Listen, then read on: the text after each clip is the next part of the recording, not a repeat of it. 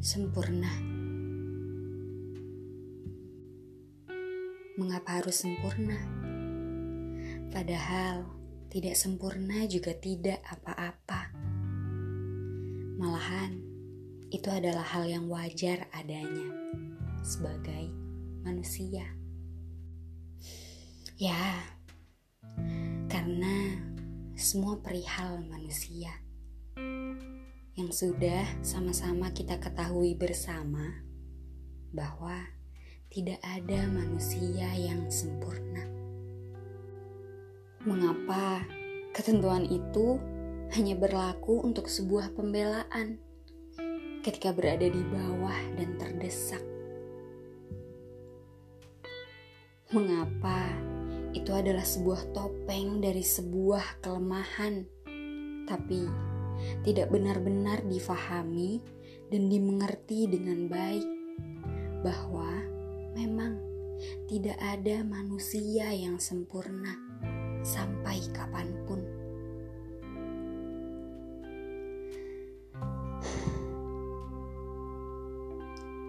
Mengapa dengan menerima dan memahami kata itu saja cukup rumit dan teramat sulit?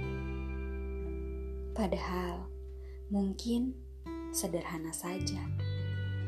Mau sekeras apa kita berusaha, kita tetap manusia. Manusia yang tercipta tidak hanya dengan banyak kelebihan, tapi juga kekurangan. Mengapa kita tidak bisa memahaminya dengan porsi yang sesuai? Sebagai manusia, kalau tidak mengutuk kekurangan, ya mendewakan kelebihan. Mengapa tidak kita terima bahwa kekurangan dan kelebihan itu pasti adanya dan bagian dari milik kita? Memang kita bisa merubahnya, tetapi apa menjadi mencapai kata sempurna? Kita semua tahu jawabannya. Sempurna yang bagaimana? Yang difahami layaknya Tuhan yang tanpa kekurangan. Memang kau siapa? Berani menyamainya. Takdir hidupmu saja ditentukan olehnya. Jadi, perihal sempurna kita harus belajar kembali untuk memahaminya agar bisa memaknainya dengan sesuai dan mengenalnya dengan lebih baik lagi.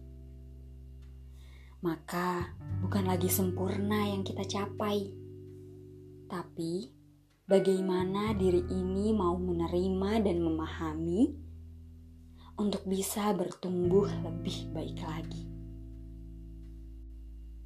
jangan lupa bahwa kamu mungkin memang tidak sempurna, tapi kamu selalu istimewa bagi yang mau menghargai dan mensyukurinya. Jadi, mulailah dari dirimu terlebih dahulu. Selamat berdamai dengan ketidaksempurnaanmu. Semangat lebih mengenal dirimu. Kamu istimewa, jangan lupa itu.